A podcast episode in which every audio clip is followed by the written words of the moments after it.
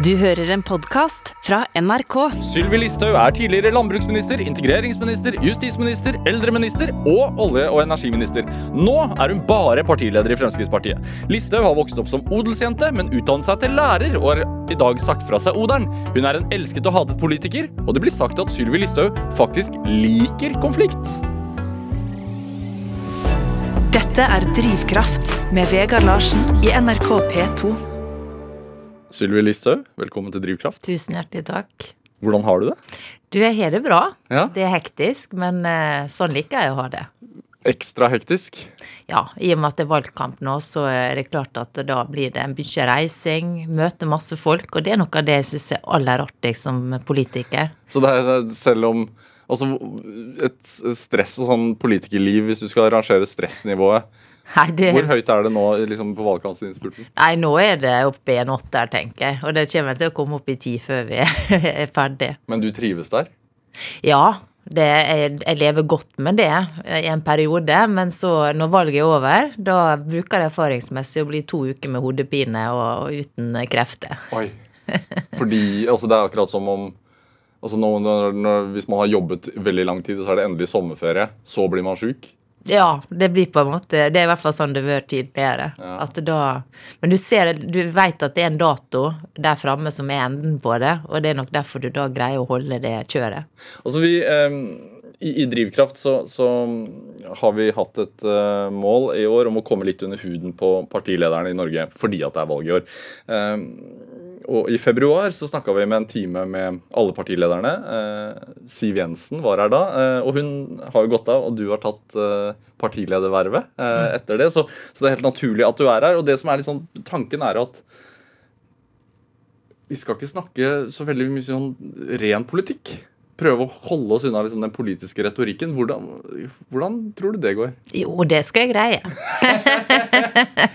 Sjøl om det er valgkamp. Ja, ja, klar, Klarer man det? Eller hvor Jo da, jeg prøver å bli flinkere og flinkere på det. Ja. Og det, det er jo ja, viktig å svare på. Prøv liksom at folk blir litt bedre kjent med meg. Ja, Det er hyggelig, det er det vi skal. Men du, du var jo en som ny partileder var en sånn flying start for deg. For deg altså Arendalsuka nå, partilederdebatten. Eh, landets største avis, VG, ga deg terningkast fem. Utropte deg til debattens vinner. Ja, det sprikte jo veldig, disse terningkastene. Men det var jo hyggelig å få gode terningkast i, i VG. Og jeg syns jo det gikk sånn rimelig greit der for, for å være første gangen. For det er klart det er en veldig annerledes debatt å være i. Det varer i ja, nesten to timer. Du står der sammen med åtte andre, og det er klart da er det jo begrensa hvor mye ord du Eller mange ganger du får ordet. Og da må du bruke den tida ekstremt godt. Så det var rett og slett veldig artig å få være med på. Hva er trikset, da? Nei, klart du må vite hva du har lyst til å ha fram når du går inn der, eh, hvis du skal bruke tida effektivt. Så det er veldig viktig med god forberedelse til debatten. Hvor, hvor lenge i for, forkant øver man? Eller Nei, altså, jeg, må jo si at jeg har gått og kverna på denne debatten la oss si en måned, da, og tenkt liksom sånn øh, Og så er det da, den da, dagen øh, det skjedde, det skjedde, så brukte jeg hele dagen på å øve, diskutere med de som er nær, mine nærmeste rådgivere, eh, og egentlig da komme fram til eh, hva linje vi skulle legge oss på. Så det, det er mye øvelse. Er det sånn Står de rundt deg da, og så sier de Hvis eh, Støre sier det, hva sier du da? Altså er det litt sånn? Ja da, vi må øve sånn, og det gjør jeg for så vidt i debatter ellers også. Jeg har jo min aller beste rådgiver hjemme, da, mannen min. Han jobber jo også med politikk og er veldig, veldig flink til å ja, preppe meg før debatter. Og så ringer jeg til han etterpå og hører hvordan det gikk, og da er, ja, er han heldigvis også ærlig på hva jeg må forbedre. Og det er jo veldig viktig å ikke ha bare sånne nikkedukker rundt seg, men at eh, folk er kritiske. Jeg er jo veldig kritisk til meg sjøl, så Ok. ja. Ser du, hører du på Ja, jeg bruker vanligvis å høre på debattene i ettertid for å se hva jeg kan forbedre. Oi. Så det er ikke sånn at når du kommer hjem, så legger du fra deg jobben? Nei, ikke alltid. Nå har ikke jeg fått sett den debatten ennå, for i går var jeg så sliten. Men jeg skal se den for å se hva, hva, hva, jeg burde gjort annerledes og, og forbedre meg. Og det er jo klart, du blir jo aldri eh, en mester. Du kan alltid bli bedre, og den holdninga må man ha hele veien. er min, min filosofi. Var det annerledes for deg denne gangen kontra de gangene du har vært i debatt som eh, bare minister, f.eks.? Ja. Det som er annerledes, er jo for det første at det er veldig mange i panelet, men også at det, det varer så lenge. Og det er klart du må være utrolig skjerpa hele tida. Og her er det snakk om nesten to timer da med full skjerpings. Eh, og så er det klart at det står mye på spill, da. Ja. Eh, det, sitter, det, er veldig mange som ser på. Det er mange som ikke bestemt seg ennå.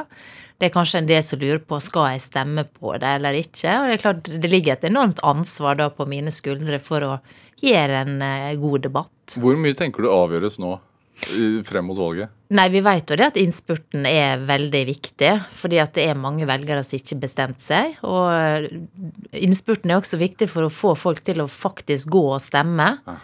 Eh, og tenker det at nei, nå eh, vil jeg ikke sitte i sofaen din eh, dette valget her, jeg vil gå til urnene og stemme, for det, dette er viktig. Er liksom alt planlagt fra, altså sånn nesten til hva man har på seg, liksom? Å ja, ja, det er også veldig viktig, selvfølgelig, fordi Eh, altså, man, må, man, må, også tenke på hvordan han ser ut, så, så alt må tenkes på. Hvis man har på seg noe som eh, ikke fungerer, så kan jo det bli en sånn avledning av budskapet ditt, at folk blir mer opptatt av hva du har på deg, enn hva du sier. Er det farger du unngår? Nei, ikke så spesielt far, men altså, en må jo se hva du kler, og så prøve å ikke ha på seg sånne eh, ting som du avleder oppmerksomheten, eller at du Eh, blir sånn at eh, folk er mer opptatt av hva har hun på seg i dag, enn hva hun sier. For det, det er kanskje spesielt farlig for eh, kvinnelige politikere. Ja. ja, men det er jo Du kan i hvert fall bli gjort i, i, større grad kanskje gjort liksom hengt ut for det i ettertid, da. Ja, det òg. Jeg syns jo disse gutta er kjempeheldige. Altså dra på seg en dress, en skjorte, et slips. Det må jo være så enkelt. ja. Mens vi må være litt mer kreative. Er det Blir du nervøs? Du, jeg Altså, litt nervøs skal man være, da, men jeg har veldig eh, en ro. Eh, egentlig. Eh, og det som er rart, er at når debatter begynner, og sånn er det helt fra starten av, selv om da holder jeg jo på å besvime av nervøsitet, de første debattene jeg var i. Den aller første store debatten var i 2005. Da var det sånn valg... Du? Det var skolepolitikk. Okay. Valgsending med han Knut Olsen. Eh, det var oppe i Tromsø. Og jeg skjønte ingenting av hvorfor jeg ble invitert dit, for jeg var ikke noe framtredende politiker den gangen. Jeg jobba som rådgiver på Stortinget, jeg hadde gjort da. Mm. og ikke var jeg høyt oppe på noen liste heller. Men jeg ble i hvert fall invitert, og da husker jeg jeg var altså aldeles skjelven. Ja. Hvor gammel? 27 år eller et eller annet sånt? Ja, ja 2005. Jeg var vel 8 ja, var jeg 28 da? Rundt der. 27-28. Ja. Eh, men jeg husker det at jeg, jeg var helt uh, skjelven. Men når debatten, når jeg skulle starte, da, når jeg kom inn der, så var det akkurat så at roa bare senka seg. Og sånn har jeg grunn hatt det siden, da, at når det først, at det er nervøs før, men når det gjelder, så får jeg en sånn ro i kroppen. Hvorfor? Og det er jo veldig bra. Hvor, hvor kommer det fra, tror du? Nei, jeg veit ikke det. Men uh, da, liksom, da, blir jeg bare skjerpa, tror jeg, og så får jeg ro. Og at nå må jeg levere. er det noe du sier til deg selv på forhånd? Eller mens du står der? Nei, egentlig ikke. Da, da står jeg der liksom Hva var det jeg skulle si nå? Og så føler jeg at alt er bare en svart grøt. Så jeg tenker uff, kommer jeg til å komme på hva jeg skal si nå? Og så når jeg først skal i gang, så kommer det. får, får, du sett um, hva, hva, når det blir liksom For jeg, jeg sa i introen her at du faktisk liker konflikt. Uh, jeg vet ikke om det Stemmer det? Nei, altså konflikt Det liker jeg å debattere. Det, ja, debatt, jeg liker veldig godt debatt. Ja. Og jeg syns at Med det er artig. Ja, jeg syns det er artig. At det blir litt temperatur, og at man får bryna meninger og sånn. Og det er jo det som er, skaper eh, både engasjement, men også utvikler verden videre. At du har ulike meninger som brytes mot hverandre. Eh, hvis alle skulle være enige hele tida, så hadde det vært forferdelig kjedelig. Og jeg tror ingen hadde villet sett på debatt heller, for så vidt. Men klarer du å ikke bli Hva skal man si irritert når det er debatt med temperatur? Ja, man, man må er du, beholde roa. Er du liksom blid på utsiden og sint på innsiden, eller er det Nei, altså, man må beholde roen. Men det er jo mange som jeg treffer som sier jeg forstår ikke hvordan du greier å beholde roa. Jeg hadde eksplodert, jeg kunne aldri vært med i en debatt. Ja, Hva er trikset? Nei, det er det at du må beholde roa Altså prøve å være saklig. Det er jo det viktigste, da. Det er sånn Er det litt sånn jeg, jeg, jeg hører egentlig ikke hva du sier, for jeg skal komme med mitt argument uansett. Jo, du må høre hva, hva man sier, selvfølgelig. Men det er klart at du må også ha en, en strategi når du går inn i en debatt på hva du har lyst til å ha fram. For hvis ikke så blir du dreven av eh, den du skal debattere mot, eller med programleder. Sånn at du må ha en eh, anelse om hva er ditt budskap. Hvordan er det ehm, å være eh, ektefelle og mamma i denne perioden? Du, det er veldig hektisk for, eh, for meg, selvfølgelig, så det er jo veldig lite hjemme nå. Og det merker jeg på barna, for nå er de begynt på skole og barnehage og sånn, og mamma er veldig mye borte. Så det liker jeg selvfølgelig ikke så godt, men jeg sier det at nå er det en periode som er veldig intens. Men så er det klart, én måned i et barns liv er ganske lenge. Hvor gammel er du? Selv om ikke det er det for meg, så er det det for deg. Nei, yngste er fire, og så er det ti, og eldste blir 13. Så hun er begynt på ungdomsskole nå. Ja. Hvordan holder du kontakten, da? Nei, altså jeg er jo hjemom, da, og så ringer jeg nå de er innimellom, og litt FaceTime og sånne ting, så vi, vi holder kontakten. Men eh, jeg skal være glad når valget er over, sånn sett, at det blir litt mer normalt eh, hjemme. At jeg er mer til stede der. Ja. Så har det Har det hendt at de har spurt hva, hva du liksom driver med? Sånn, hvorfor er du ikke hjemme? Ja, de veit hvorfor jeg ikke er hjemme, er i hvert fall de to eldste. Eh, Men det er klart at valgkampen for fire år siden var i grunnen mye tøffere. For da hadde jeg en baby på tre måneder når jeg starta valgkampen, og jeg var skyteskive hele valgkampen i ammetåke og var helt uh, utrolig nedkjørt, selvfølgelig. For det, å ha en liten baby er jo i seg sjøl utrolig slitsomt. Og når du da skal være statsråd og drive valgkamp og sånn, det var umenneskelig. Men jeg kom meg gjennom det også. Ja. Er det Du kom deg gjennom det, men det, du måtte arbeide Altså sånn, det, det er det Hvor tungt er det? Nei, det var så tungt at det går ikke an å beskrive med ord. Og etterpå var jeg Jeg hadde hodepine i 14 dager. Jeg var helt fullstendig utslitt. Jeg husker jeg kom på kontoret og måtte bare snu, for jeg kjente jeg har ikke krefter. Jeg må bare hjem igjen. og så for jeg jo og tok med meg babyen til Sunnmøre på helgene, så jeg var var i statsråd da fra 11 og hjem igjen og hente barnet, ut på flyplassen, opp dit til Sunnmøre. Så var det å levere barnet til foreldrene mine eller brødrene mine som passa da, mens jeg var på valgkamp, og så var det tilbake. Og så var det ned igjen på søndag, og så var det mannen min da som passa på, på ukedagene. Eh, Så det var, det var helt vilt, for å si det rett ut. Eh, At det gikk eh, det, Da går alt. Og det er det som er min filosofi, at du får til det du vil. Men er man til stede da? For jeg, altså, jeg har en ettåring og en på tre. Ja, så til stede er du jo. Ja. Men, eh, men det å si at når jeg var i noen av disse debattene i Ja, det er det jeg mener. Så er man- 2017, Ja. så var det Du følte jo du sto i en sånn grå graut av ammetåke, og så skal du stå der og få fram argument. Så det var en helt surrealistisk opplevelse, egentlig. Og at det gikk bra, er jo helt uh, utrolig. Ja, og, og, sier man til seg, altså, sier du til deg selv da, sånn, hvorfor i all verden orker jeg dette her? Ja, altså, jeg så i hvert fall etterpå at dette her, det kan man ikke gjøre igjen. det, var, det var heftig. Dette er Drivkraft med Vegard Larsen i NRK P2. Og i dag er partileder i Fremskrittspartiet Silvi Lysthaug her hos meg i eh, NRK Drivkraft på P2. Altså, du er omstridt som politiker. Hva tenker du om det? Ja, så det, det må han jo bare ta til etterretning. Eh, Det er, det er politikersvaret. Ja, men det, jeg, jeg mener jo det er viktig å stå for det du mener er riktig, Ja. og tørre det. Og eh, det er jo nok av politikere som er rundt som ei kule, og som eh, snakker, liksom, snakker, og så er du like vis etterpå om du, hva vedkommende sa. Og det var nok en grunn til at jeg valgte Fremskrittspartiet. Det var jo fordi at jeg var, likte klar tale. Ja. Likte politikken. Likte veldig godt Jon Alvheim, som hadde så stort hjerte for de eldre og syke. Carl I. Hagen, som var tydelig og klar politiker. Siv Jensen, som, som etter hvert også ble framtredende der. Så, så det, var, det var nok sikkert det som gjorde at jeg valgte det. Men jeg husker jo det jeg gikk på lærerskolen i Volda. Det var en lærer som, som sa det at jeg, jeg burde heller meldt meg inn i Høyre eller Arbeiderpartiet, for da kunne jeg sikkert blitt statsråd.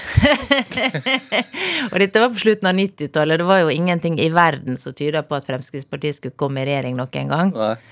Men jeg lo godt den dagen jeg sto på Slottsplassen og, og, tenkte på at Da det, tenkte du på den læreren? Ja.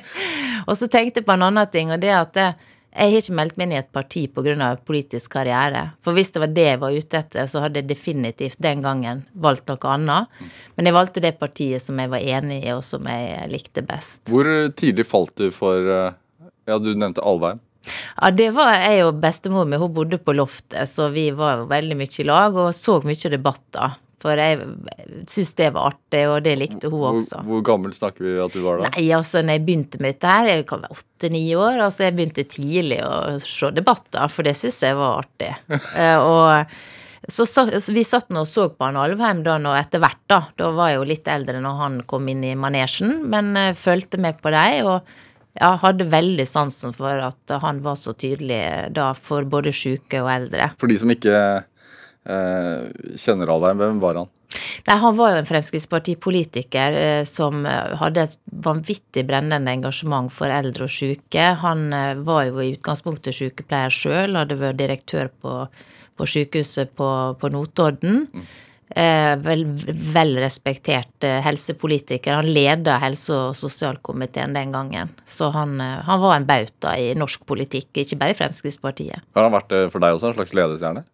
Absolutt. Han har vært helt eh, ut, Altså, han var stor, eh, et stort forbilde. Han var veldig flink til å se vanlige folk og løfte opp sakene deres. Du, du nevner bestemoren din som bodde på loftet. Mm. Uh, er vi på Ørskog da, eller hvor er vi?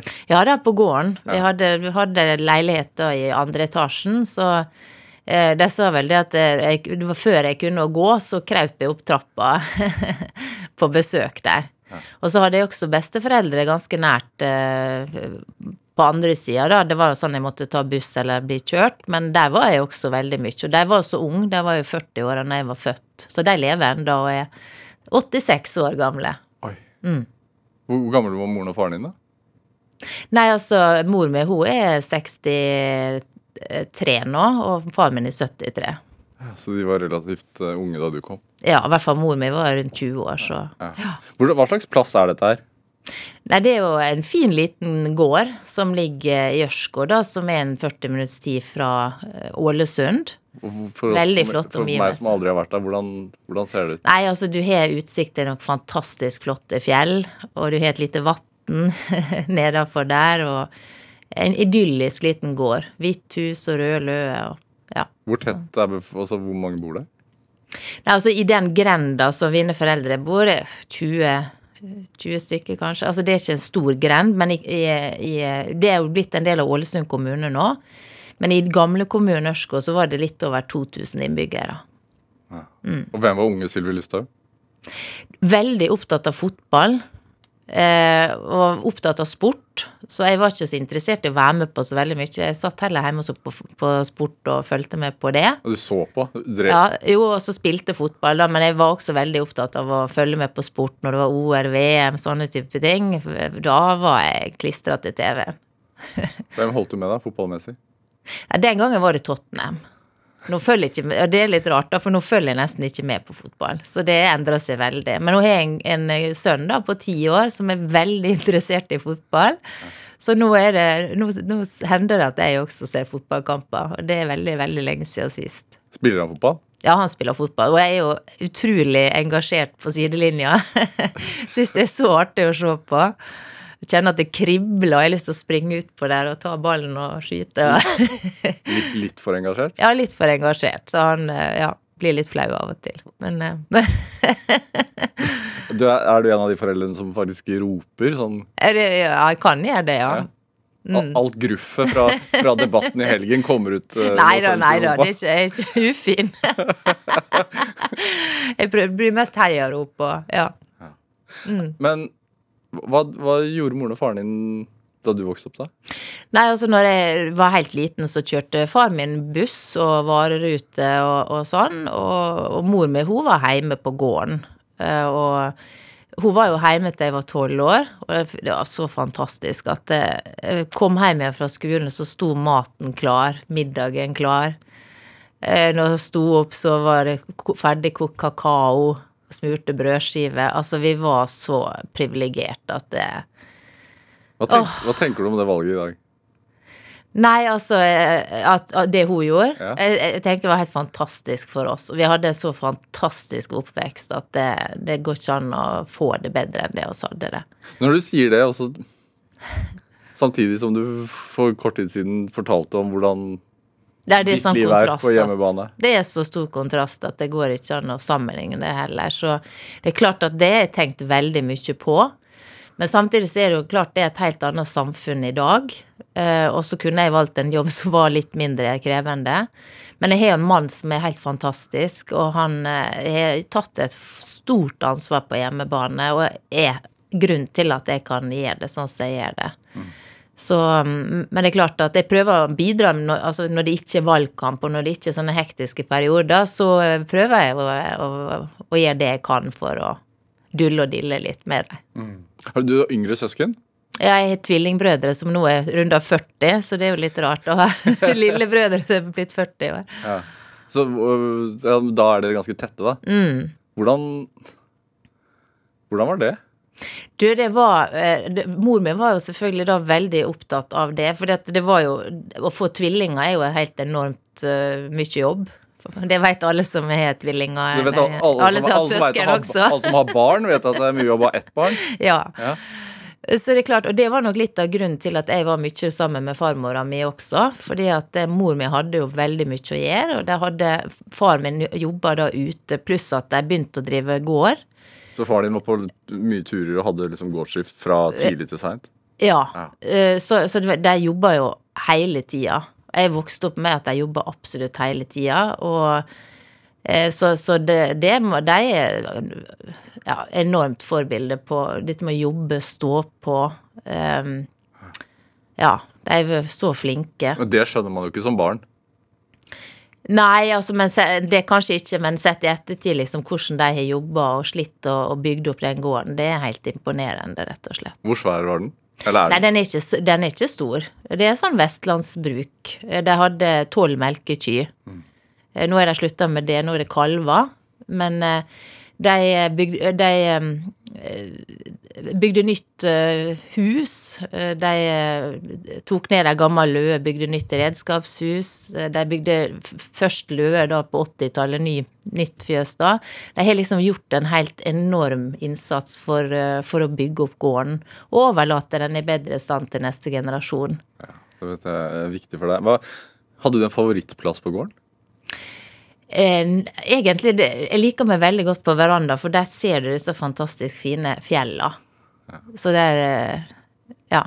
Eh, Du sier at farmoren din var viktig for deg. Hvem var hun?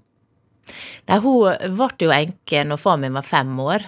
Da satt hun igjen med en gård med tre unger og to eldre damer på loftet som var svigermora og søstera. Så hun hadde det veldig, veldig tøft. Så far min han begynte jo tidlig å drive gården, og brukte vel konfirmasjonspengene sine på å kjøpe traktor. Ja, så han begynte allerede Så han som begynte tenåring? veldig tidlig å drive gården. Så hun hadde jo vært gjennom veldig traumatisk, fordi det, han, mannen døde mens han skulle bære ut kista til faren hennes. Så hun mista faren og mannen sin egentlig med bare noen dagers mellomrom i, i, i ei romjul. Så, så det prega henne veldig etterpå. Men hun var alltid veldig positiv, og, og ja, hun var et fantastisk fint menneske. Hva het hun? Signe, som dattera mi heter. Ja, så du har oppkalt datteren Ja. etter den. Så hun lærte, altså, lærte mye av henne, da. og Var veldig mye sammen med henne. Hva lærte hun da? Nei, altså dette her med å eh, være sterk, tror jeg. og eh, ja. Være omtenksom med andre mennesker. Ja. Hun er alltid veldig gavmild og, og eh, ja, trivelig å være sammen med. Hva er ditt beste minne fra henne? Det er korset. jeg har ikke det på meg nå, da, men eh, det, det er liksom Ja. Ja. Så Som, altså, det er jo et halskjede med et kors på. Mm. Som faktisk også har blitt uh, omstridt. Hetsa og eh, ja, Ja. håna og jeg veit ikke alt. Men Men hva, hva, hvorfor det, betyr det så mye for deg? nei, for det, når hun døde, så skulle jeg få velge et smykke, og da valgte jeg det, da. Og det fikk hun i, eh, nei, i forlovelsesgave med bestefar min. Så, så det er et spesielt smykke. Ja. Og hun var kristen. Ja, hun var Det var liksom noe av det hun sa som gjorde at hun greide å eh, stå i det. Hvordan da? Nei, liksom det å miste mannen sin så tidlig, sitte hjemme med en gård og tre unger og alt dette, at det var det som hjalp henne. Hjelper det deg noen gang? Absolutt. Hvordan da? Nei, jeg tenker liksom at det, ja, det er godt å ha det å tro på, og få styrke på et vis. Når trenger du det sterkest, da?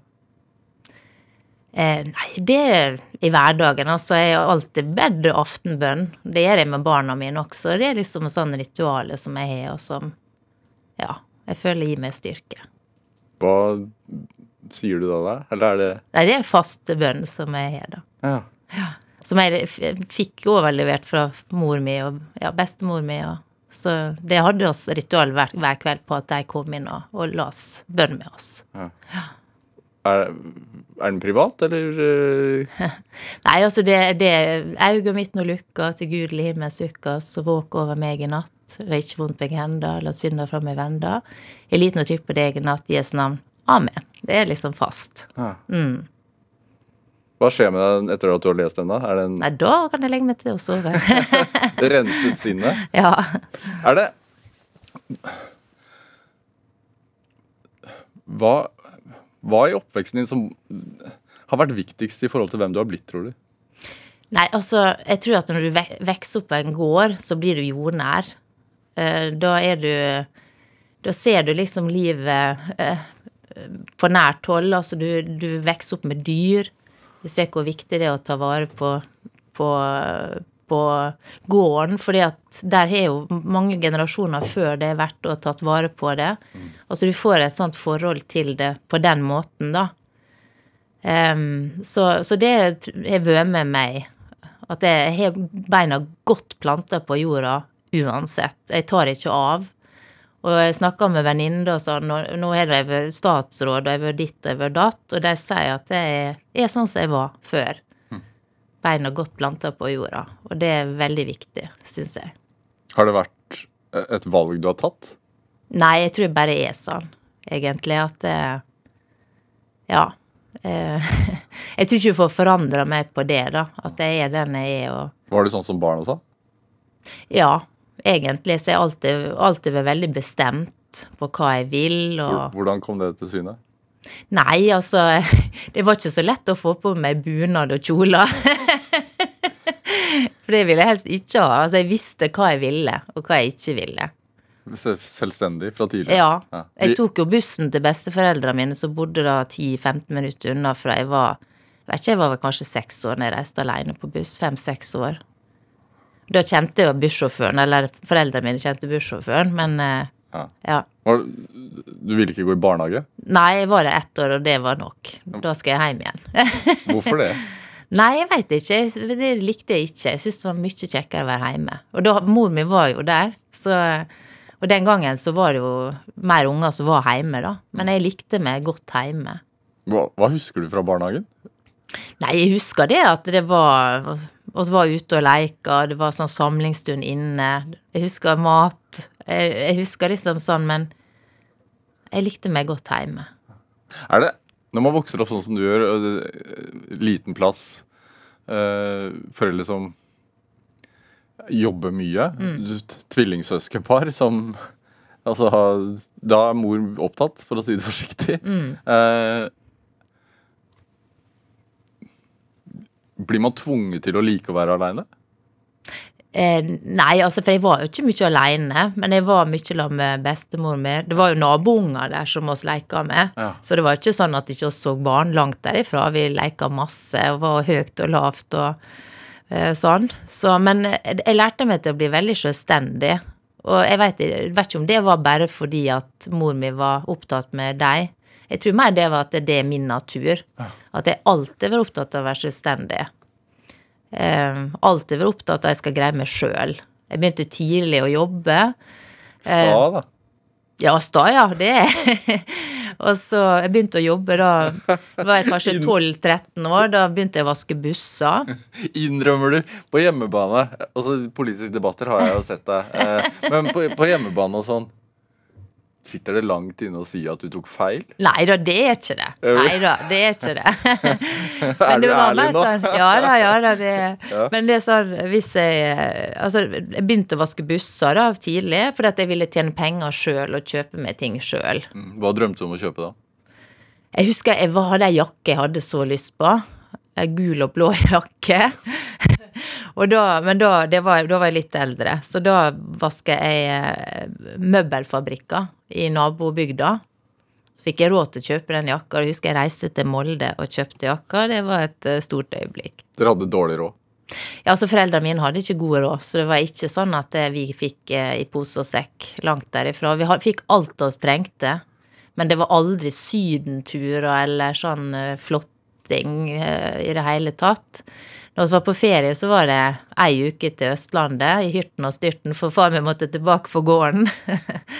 Eh, og da var det igjen på besøk til tantene mine som var på Østlandet, da. Hva tenkte du om den gangen da, hva tenkte du om at det var så stor forskjell i velstand til folk? Nei, det var sånn det var. Eh, og så det var jo Altså, det jeg tenkte, var at når jeg blir stor, så skal jeg ha råd til å reise på ferie. Ja, til Eh, til USA. til USA, ja. og ut av landet. Jeg skal ta fly. Men Det var det jeg tenkte. I, i til, jeg, øh, jeg har lest uh, noen bøker om deg, og det, det står annet at du på første skoledag var fast bestemt på at, øh, altså Da du begynte begynne på barneskolen, da, var fast Ja. bestemt på at dit skulle du dra aleine. Ja, jeg skjønte ikke hva mor mi skulle være med dit for, for det, det, jeg sykla dit aleine. Syv år gammel, første skoledag. eller? Ja. Nei, for jeg tenkte For jeg hadde jo en nabojente som eh, Hun skulle begynne i fjerde klasse, tror jeg, så jeg skulle sykle sammen med henne. Og da skjønte jeg ikke hva mor mi skulle være med, for jeg kunne sykle sammen med henne, og så kunne jeg eh, gå på skolen alene. Så det gjorde jeg. Hva syns moren din om det, da? Nei, hun syntes vel det, det var litt rart. Men på en annen side, hun hadde jo to hjemme, da, som hun måtte eh, ta hånd om. Så eh, Ja. Men eh, Men det er jo en stor dag for foreldre, da. ja. Men det gikk veldig greit, det. Jeg var der aleine, og det gikk kjempebra. Hvordan beskrev du dagen, da? Husker du det? Nei, men jeg husker bare det, For de to andre Vi var jo bare tre stykker. Det var jo sånn todelt skole, dette her, så det var første, andre og tredje gikk i lag. Og de to andre hadde med seg mødrene sine, så jeg syns jo det var litt rart. Hvorfor det? Nei, fordi at det, Jeg var bare så gira på å komme i gang, jeg. For jeg, jeg var liksom over klar til å begynne på skolen. Begynne å lære å lese og skrive og alt dette her. Er det, er det Altså Du nevnte uh, farmoren din at dere så Alvheim på debatter. Hva, hvis du skal tenke sånn hjemmefra, hva tror du er det som har liksom formet ditt politiske synspunkt? Bortsett fra han på TV. Nei, altså dette her med å få øh, greie seg sjøl. At ikke staten skal blande seg opp i alt mellom himmel og jord. Disse formyndergreiene, det er sånne ting som øh, Jeg veit ikke, jeg tror det ligger sunnmøringene mange i blodet, at det vil greie seg sjøl. Uansett. Ja, helst. Altså at det er min, mindre statlig innblanding. Er det derfor du også eh, er såpass glad i USA som du er? Ja, altså Der er jo Jeg får en sånn frihetsfølelse der, og det som er kjekt, er at det er så variert, det landet. Det er så stort Kunne Sunnmøre egentlig vært en liksom Nei, jeg tror ikke det. stat der borte? Nei, jeg tror ikke det, nei. Det, men det er jo veldig stor forskjell på USA og Norge, og mentalitet og alt som er. Men, eh, eh, men det jeg, jeg syns det er et fantastisk land å feriere i, og veldig kjekt både for voksne og for, for barn. Du har jobbet der? Ja, jeg var fire måneder i Kongressen, i Representantenes hus, og det var veldig interessant å se amerikansk politikk fra innsida. Når var du der, da? Det var i 2005. Så da var jo George W. Bush eh, president, og fikk med, jobba for en i det republikanske partiet, og fikk sett liksom det fra innsida, og det var veldig interessant. For der var det jo inn i ett parti, så det jo flere eh, grupperinger med ulike ståsted som skal samarbeide. Så det var veldig interessant å være der. og se. Hva er det ved det amerikanske liksom, systemet som du liker så godt? Altså, nå tenker jeg ikke hvordan politikken er bygd opp, men så det amerikanske samfunnet. Nei, altså jeg, eh, altså jeg liker bare Jeg syns folk der er utrolig hyggelige. Um, det er veldig sånn uh, Ja, hva jeg skal si, da? Et fint, et fint sted å være og, og, og føler seg veldig velkommen der. Uh, og det er så mye å gjøre for både voksne og barn. Altså, det, du, du, kan liksom fylle dagene med akkurat det du vil. Det er sånn variasjon det er så stort, og det er så mangeslungent. Noe av det artigste vi har gjort, det er å være oppe i Amish-land, f.eks. Og, og det er jo fascinerende at folk kan leve sånn i 2021 nå. De lever jo sånn enda. Eh, og så kan du reise andre steder. Sør-California, der er det helt annerledes. Eller du kan reise til Memphis, der er det helt annerledes igjen. Altså det er så variert, da. Det er det som er så fascinerende. Du, eh, du har med en eh, en uh, låt fra en amerikaner. ja. Uh, Elvis Presley-låt. Hvorfor er han viktig i livet ditt? Du, han, Mannen min er jo en veldig stor Elvis-fan. Altså, vil... Så det er til ære for han. Altså ordentlig fan? Han er ordentlig blodfan. Altså. Han har vært det hele livet, helt siden han var liten gutt. Har dere Elvis på veggen hjemme? Nei, vi ser ikke det, men i kjellerstua. Dere har det? Han, han, er henvist til kjellerstua, men eh, han har liksom Jeg vet ikke hvor mange plater, CD og alt. Ja. Og du, Hvor mange ganger har du vært på Graceland? Altså vært der tre ganger. Siste gangen, da, måtte, da var jo barna blitt noen år, da, så de husker det. Så da hun eldste dattera mista to tenner på Graceland, så det kommer vi til å huske. Hvorfor, det, hvorfor vender dere stadig tilbake? Det er jo uh, kjekt, da. Å være der og liksom oppleve litt av uh, historikken rundt. Og det er jo viktig at barna også får det. De er jo vant til at en pappa spiller dette her mye. Ja. Opptatt av det. Og du har med låten 'Welcome to my world'. Hvorfor det? Nei, Det er den sangen de spiller når du blir kjørt inn på Graceland. Når de åpner portene og du kjører inn der, da. Så det minner meg om det, faktisk.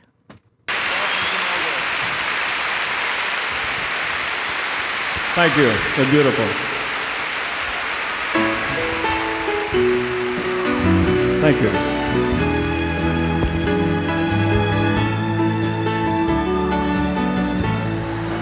Welcome to my world. Won't you come on in? miracles, I guess, still happen now and then. Step into my heart, leave your cares behind. Welcome to our world,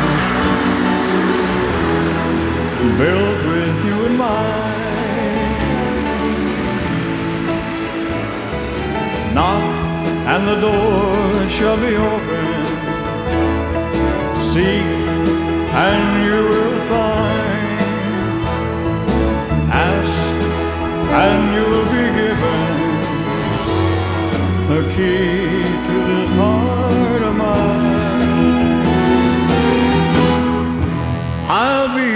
waiting there with my arms unfurled waiting just for you. Welcome to my world.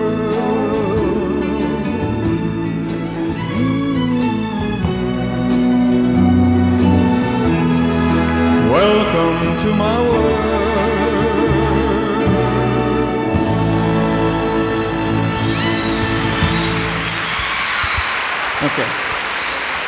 Du fikk eh, Elvis Presley med 'Welcome to my world' her i Drivkraft på NRK P2. Valgt av dagens gjest her i Drivkraft i dag, nemlig lederen for Fremskrittspartiet, Sylvi Listhaug.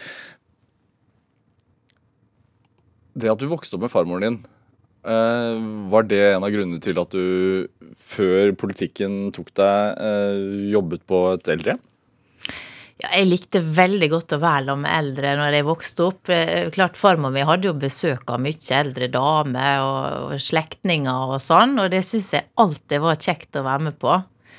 Eh, trivdes veldig godt la med dem, at de har levd et langt og spennende liv og hadde masse historier som jeg syntes var interessant. Og så begynte jeg etter hvert, for jeg, som jeg sa tidligere, så var jeg veldig opptatt av å jobbe og greie meg sjøl. Så jeg begynte ene sommeren da å jobbe som hjemmehjelp. Var hjemme hos folk og vaska. Og så fikk jeg tilbud om at jeg kunne begynne på aldershjemmet. Og det var jeg litt sånn Hm, jeg greide det, da, for det syns jeg hørtes litt sånn eh, voldsomt ut. Men så tenkte jeg jeg får prøve. Og jeg trivdes altså så godt. Eh, Så jeg var der i Det var vel fire-fem år jeg jobba på dette aldershjemmet. Er det hvorfor trivdes du? Nei, det var så kjekt å hjelpe de eldre. Du føler deg så nyttig når du kan hjelpe dem med å stå opp og med å få i seg mat og gå og dille og dulle med dem og hjelpe dem dagen lang. Jeg syns det var så kjekt. Og parallelt med det, så er det klart, da hadde jeg jo farmor mi som jeg hjalp og besøkte hver dag når jeg var i bygda, da. Men ikke var i Volda og studerte har tid til å dille og dulle, altså. dille og dulle og tok henne med på butikken. Og så hadde far min en eldre onkel som ikke hadde barn, og som var aleine, så han vaska jeg hos da annenhver fredag. Og så tok jeg med på butikken og ordna og handla til han. Så jeg hadde liksom eldre folk på alle kanter, og det var så kjekt. Jeg må si at jeg savna den tida. Ja. Hvorfor det? Nei, det var så koselig. Hva, var det det at du følte at du var til nytte, eller hva var det som gjorde at du Ja, absolutt. Eh, Både det, men, men eh, jeg, jeg trives godt da med eldre, for det, det ja, Er, er du en gammel, gammel sjel? Ja. Var du det fra tidlig av? ja, egentlig så Og mannen min er det samme.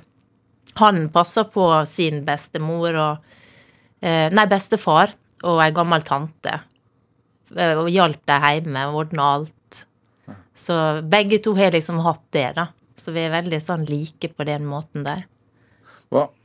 Jo, Eldrepolitikken er fremdeles veldig viktig for deg. Mm. Er det, altså hvis, Man skal ikke rangere altså hva, hvilke ting man liksom brenner mest for, men er det liksom Hvis man ser på din politiske karriere, så Mm. virker det som om det er eldrepolitikk som har vært vesentlig. Absolutt, og spesielt dette at de må få bestemme sjøl. Både velge hvem som skal hjelpe deg, men også dette med å bestemme sjøl når du vil stå opp, når, når du vil ete, og hva du skal ete. Eh, Når du skal legge deg. At istedenfor å dynge folk ned med medisiner, så må vi heller ta dem med ut. Altså la dem få et innhold, istedenfor bare å sitte og kikke på TV. Og disse tingene her er så viktige, for det er noe med at målet må ikke være å bare legge år til livet, men å legge liv til åra. Og det har vært en sånn viktig sak for meg hele tida, å kjempe for. Frykter du å bli gammel selv? Eh, ja, altså jeg håper jo det skjer mye innen jeg blir eldre med, Ja. med, med, med eldreomsorgen. Og det er derfor jeg kjemper for at det skal skje så raskt som mulig. Sånn at de som lever i dag, faktisk får, eh, får, eh, får det bedre.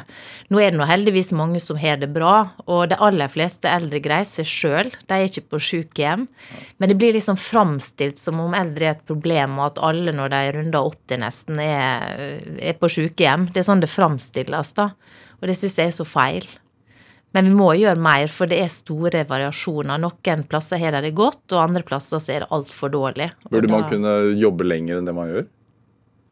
Ja, altså jeg eh, mener jo det at det er bra at folk står lenge i jobb, hvis det er det de ønsker. At man skal ha muligheten til det. Men også at man skal ha en pensjon som er til å leve av når den dagen kommer. Eh, Og det er jo en skam at i Norge så er minstepensjonen på under fattigdomsgrensa. Det er en viktig sak å kjempe for. Eller at du blir tatt eh, 10 av pensjonen din hvis du bor sammen med den du er glad i. Det er også noe som vi må få gjort noe med. Er det den erfaringen fra det eldrehjemmet, altså, tenkte du da at her, her må det ryddes opp, eller var det, var det for tidlig i livet ditt? Nei, altså, eh, i hvert fall så visste jeg hvordan det, det var på, å jobbe på en institusjon. Det var veldig viktig. Eh, og de, de eldre der hadde det veldig bra. Men det var litt sånn at det, vi, ikke sant, vi starta med å ta opp den, og så er det neste, og så er det neste, og så er det neste. Uten at vi kanskje spurte har du lyst til å stå opp i dag. Ikke sant? Eh, Det var bare sånn mekanisk, litt sånn samlebånd på eh, rutine. Og det der er jeg så opptatt av at det, det må ikke være sånn at det, eh, man, man tar opp folk etter når det passer de ansatte. Vi må jo tilrettelegge og organisere sånn at ansatte eh, er der når eldre vil opp. At vi differensierer litt mer da måten vi driver disse, disse hjemmene på. Eh, og det, det gjorde jeg når jeg var byråd i Oslo. Da prøvde jeg ut en sånn modell. Og på noen sykehjem så betydde det at de la om på bemanningsplanene. Sånn at eldre fikk bestemme mer sjøl. Og det er det jeg mener at sykehjemmene må tilpasses de eldre, og istedenfor motsatt. Nå skal vi ikke gå i en sånn politisk eh, debatt her inne. eh, Så, så, så, men hvem er det som er uenig i akkurat det du sier? Nei, altså, det, i hvert fall ser, ser det ut til å være veldig vanskelig å få til enkelte steder. Og jeg tror det er veldig viktig at det er politikere Du har vært eldreminister selv. Og, Ja, Ja. og jeg tror det er veldig viktig at politikerne, for dette er jo kommunene som styrer disse sykehjemmene, men at de er tydelige på hvordan man vil ha det. Ehm, og da, da må man jobbe litt annerledes noen steder, da. for jeg tenker sånn, Det er jo noen områder politikerne er, er enige altså sånn, Alle vil jo at eldre skal ha det bra. Alle vil at uh, det skal være nok sykehjemsplasser. Alle vil at uh, uh, det skal være nok sykepleiere på jobb til enhver tid. Kan man ikke bare bli enige om å bruke nok penger på det og bli ferdig med det? Ja, nei, men det, det er jo det som er problemet, da. Altså, vi har jo, ønsker jo at staten skal betale for det, i stedet for den enkelte kommune, for vi ser at det blir så store forskjeller. Men det er vi jo helt alene om. Ja. Så det er Så det er liksom, der er jo forskjeller, ja. Er det Når var det du tenkte du er utdanna lærer. Mm. Når var det, det du bestemte deg for å gå i den retningen livet ditt har tatt? Nei, altså når jeg, gikk på lærerskolen, så, og jeg jobba på aldershjemmet, så øh, tror jeg var i løpet av første året, så tenkte jeg pokker, altså jeg skulle tatt sykepleier istedenfor. For jeg trivdes så godt med eldre og stelle og pleie og sånn. Og så sa mor min det at nei, nå gir du fra deg dette her, og så kan du gjøre akkurat det du vil seinere. Og så øh, gjorde jeg det, da. Så fullførte jeg det. Ja. Eh, og så jobba jeg ett år som lærer, og jeg syns det var helt uh, greit. Og jeg hadde det veldig kjekt med disse elevene. Jeg var en streng lærer og hadde god kontroll i klassen. Men også hadde det veldig Fortell litt mer om den strengheten. Nei, altså, det skulle være ro og orden, og, og, og vi hadde gloseprøve, husker jeg, nesten hver uke. Og det var så kjekt, for jeg husker det var noen elever da som først liksom sleit litt med det. Men etter hvert, når dette her var sånn, så uh, satt jeg hjemme sammen med foreldre og øvde og øvde og øvde, og til slutt så var det omtrent Altså, det, det var nesten alle som hadde alle rett, altså. Sjøl de som da hadde gjort det veldig dårlig til å begynne med, fikk kjemperesultat. Og jeg husker hun ene mora kom til meg og sa at nå henger gloseprøva hans på, på, eh, på kjøleskapet. Fordi at jeg var så stolt og hadde fått så godt resultat. Ja. Eh, Så det var så artig. Eh, Men det var klart det, det, det var øving, og det var Vi fulgte godt opp og sånn, så det var litt sånn Men eh, etter hvert så likte de det, når jeg så at det ga resultat. Streng, men det, ga, det kom, kom resultater ut av Ja da, det gjorde det. Vi hadde, vi hadde det veldig artig. Men hva, hvorfor, hvorfor ble du politiker etter hvert, da? Nei, da hadde jeg jo allerede begynt med politikk, Ja. eh, og syntes det var veldig kjekt. Og i 2001 så var jeg da fjerde kandidat på stortingslista til Møre og Romsdal Fremskrittsparti. Og så tenkte jeg at jeg, åh, jeg har så lyst til å jobbe med politikk. For jeg hadde vært på masse møter og brukt masse tid på å sette meg inn i politikk. Og så etter valget da så søkte jeg på jobb i stortingsgruppa og håpte på jeg skulle få det. Så da flytta jeg til Oslo og bare håpte på jeg fikk jobb, da.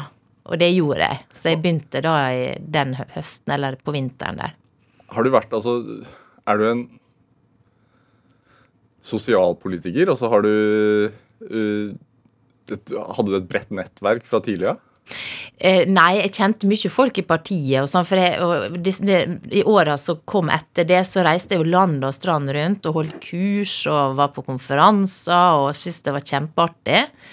Men jeg var ikke av de som på en måte var ute og drakk og liksom satt og brukte så veldig mye tid på det, for at jeg var for opptatt av at jeg skulle være skjerpa og jeg skulle levere på det jeg skulle og sånn, da. Ja. Så jeg har ikke, jeg har ikke vært sånn, så jeg har ikke kommet meg dit jeg er i dag fordi at jeg har sittet og hatt nettverk her og der. Overhodet ikke. Men er det mye av det i politikken generelt? Altså sånn, er man, er man, skiller man seg ut hvis man ikke uh, under Arendalsuka f.eks. sitter og drikker på kvelden? Ja, altså, eh, nå skal ikke jeg si at jeg ikke har Altså, jeg har vært med på sånt også, men, men eh, eh, ja, mange gjør nok det under Arendalsuka. Eh, Hvis man først er der nede, så treffer man da folk på, på kvelden som man kanskje ikke har sett på en stund og sånn. Men, men jeg har på en måte ikke vært sånn at jeg har brukt albuer og, og skyvd meg fram. Jeg har liksom kommet dit jeg er i dag av resultat som jeg har hatt underveis. Det er en gang jeg har sagt eh, tydelig fra om at enten så får jeg den plasseringen, eller så må jeg gjøre noe annet. Det var under nominasjonen i 2017. For det var egentlig da jeg skulle til å si da jeg bestemte meg for hva jeg skulle gjøre videre. Og da var jeg tydelig på at hvis jeg skal stille på stortingslista, så må det være på en helt sikker plass. Eller så må jeg heller gjøre noe annet. Det er den eneste gangen jeg har vært såpass eh, tydelig på det, da. Du har vært i, i, altså, rådgivningsbransjen uh, og sånne ting. Altså, var det Måtte du gå noen runder med deg selv før du liksom bestemte deg for å bli heltidspolitiker? Ja, for det var utrolig deilig å være ute av politikken de åra jeg var det. Det var helt nydelig. Å liksom være liksom ute, av, ute av det vepsebolet. Eh, men samtidig så, når jeg fikk muligheten da til å eh, bli statsråd, så sa mannen min du kan ikke si nei til det. Tenk å få personer i Norge som får muligheten til det. Og det visste jo jeg også, at det er et utrolig privilegium. Så da sa jeg ja. Eh, Men jeg så for meg da at da var det noen år som statsråd, og så ut igjen. Og det var da det, det ble annerledes enn det jeg hadde sett for meg gjennom at jeg ble videre i politikken. Men så er jeg jo veldig politisk engasjert, så jeg, jeg liker det veldig godt da også. Men jeg veit at det fins et annet liv, og jeg veit at det livet er verdt å leve. Er det? Så jeg er ikke en politiker som må være politiker for enhver pris, hvis du skjønner. Ja, for du ga fra deg odelen, f.eks. Ja, jeg, man kan spøkefullt si at når jeg fikk odelen på partiet, så måtte jeg gi fra meg odelen på gården. Eh, og det, det var jo litt sånn eh, sårt på den ene sida, men på den andre sida så vet jeg det at broren min er bedre egnet til å ta vare på gården enn det jeg er. Er det? Han er mer inne i driften. Men er det Er Oslo hjemme nå? Nei. Du, eller du kan si at det, jeg, jeg, jeg sier alltid at jeg skal hjem igjen til Sunnmøre, og så sier jeg at jeg skal hjem igjen til Oslo. Så egentlig så har jeg begge Altså jeg har to hjem, på en måte. Ja. Men eh, heime, heime, heime blir jo alltid gården. Men har det Hva har du lært etter, å, øh, etter at du flyttet til hovedstaden? Nei, jeg, altså, jeg, jeg husker Barna dine vokser jo opp i Oslo. Ja. De blir jo, de blir jo Oslo-folk. Ja, og jeg husker jeg sa alltid det før i tida, liksom at det, unger i Oslo, det, det skulle jeg aldri ha. Eller liksom som vokste opp i Oslo. Men det er veldig fint å vokse opp i Oslo også. Eh, Og det er jo små lokalsamfunn her også, selv om det er store lokalsamfunn, så er det jo det. Mm. Hva er ditt? Nei, det er på, i Vestre Aker, som er bydel. Tar du en aktiv rolle der? Eh, Nei. Du har ikke tid til det? Jeg har ikke tid til det. Så, så jeg, det er mannen min som følger opp mest på foreldremøte og på alt dette greiene der. Hvor, hvor du, du nevner mannen din til stadighet. Mm. Hvor vesentlig er han? Han er helt avgjørende. Han er, uten han så hadde det aldri gått, på noe som helst slags vis.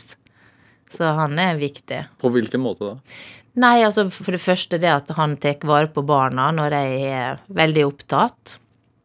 At han er støtter meg og, og hjelper meg på alle mulige måter, sånn i politikken også. Og så er han bare en helt fantastisk eh, person. Men er det, Jeg er, har vært så heldig at det, er, er det Det at Sylvi Listhaug nå er, er partileder i Frp, er det, er det liksom to om det?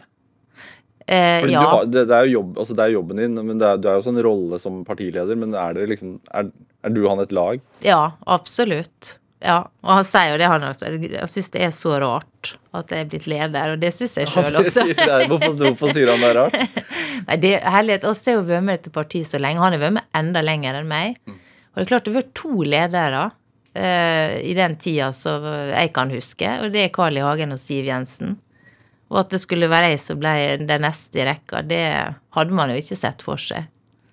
Ikke da du satt på loftet sammen med far? Nei, guri malla, det Og så på debatter med Carl I. Hagen, og da ja, tru, Altså liksom tenke at det, en dag så er det du som står der, det tror jeg ikke Nei, det Eh, hvis hvis um, Frp får flertall, uh, rent flertall uh, Mm. under valgene, og også neste valg Så dere styrer i ti år, da. Hvordan, hvordan ser Norge ut da? Da skal vi bygge landet. Altså satse mer penger på å bygge vei.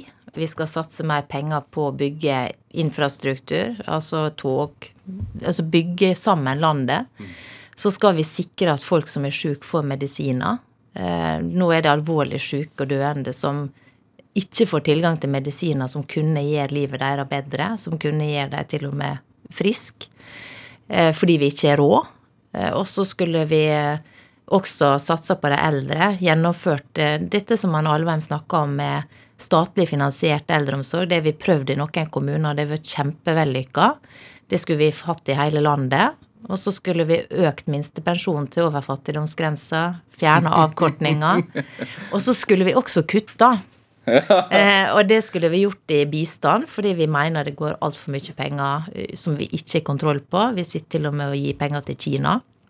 Vi mener vi skulle kutta på innvandring og integrering, og brukt mer energi Nå på kommer, å integrere de som allerede er her.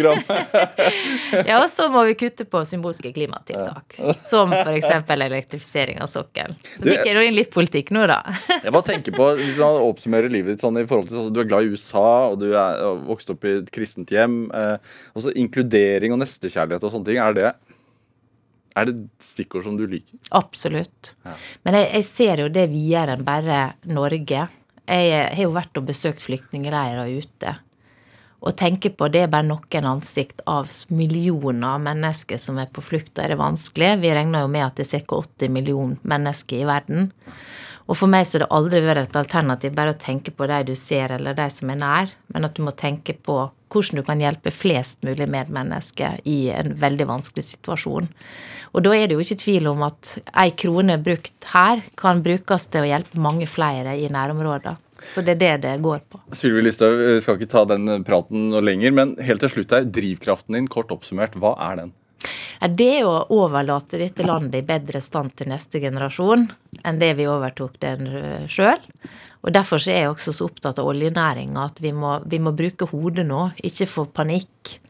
Ikke gjøre ting som eh, bare gjør Norge fattigere, og så flytter makt til Saudi-Arabia og Russland og sånn. Så det Det, det for, den praten der får du ta med noen helt andre, syvilister. Tusen takk for at du kom hit til Drivkraft. Takk for meg. Hør flere samtaler i Drivkraft i NRK-appen. Eh, Last oss også ned som podkast, eller hør oss på nrk.no. Eh, Produsent og researcher i dag, det var Kjartan Aarsand. Eh, Du kan høre samtalen med de andre partilederne på nett, sånn som jeg akkurat nevnte. Jeg heter Vegard Larsen. Vi høres. Du har hørt en podkast fra NRK. De nyeste episodene og alle radiokanalene hører du i appen NRK Radio.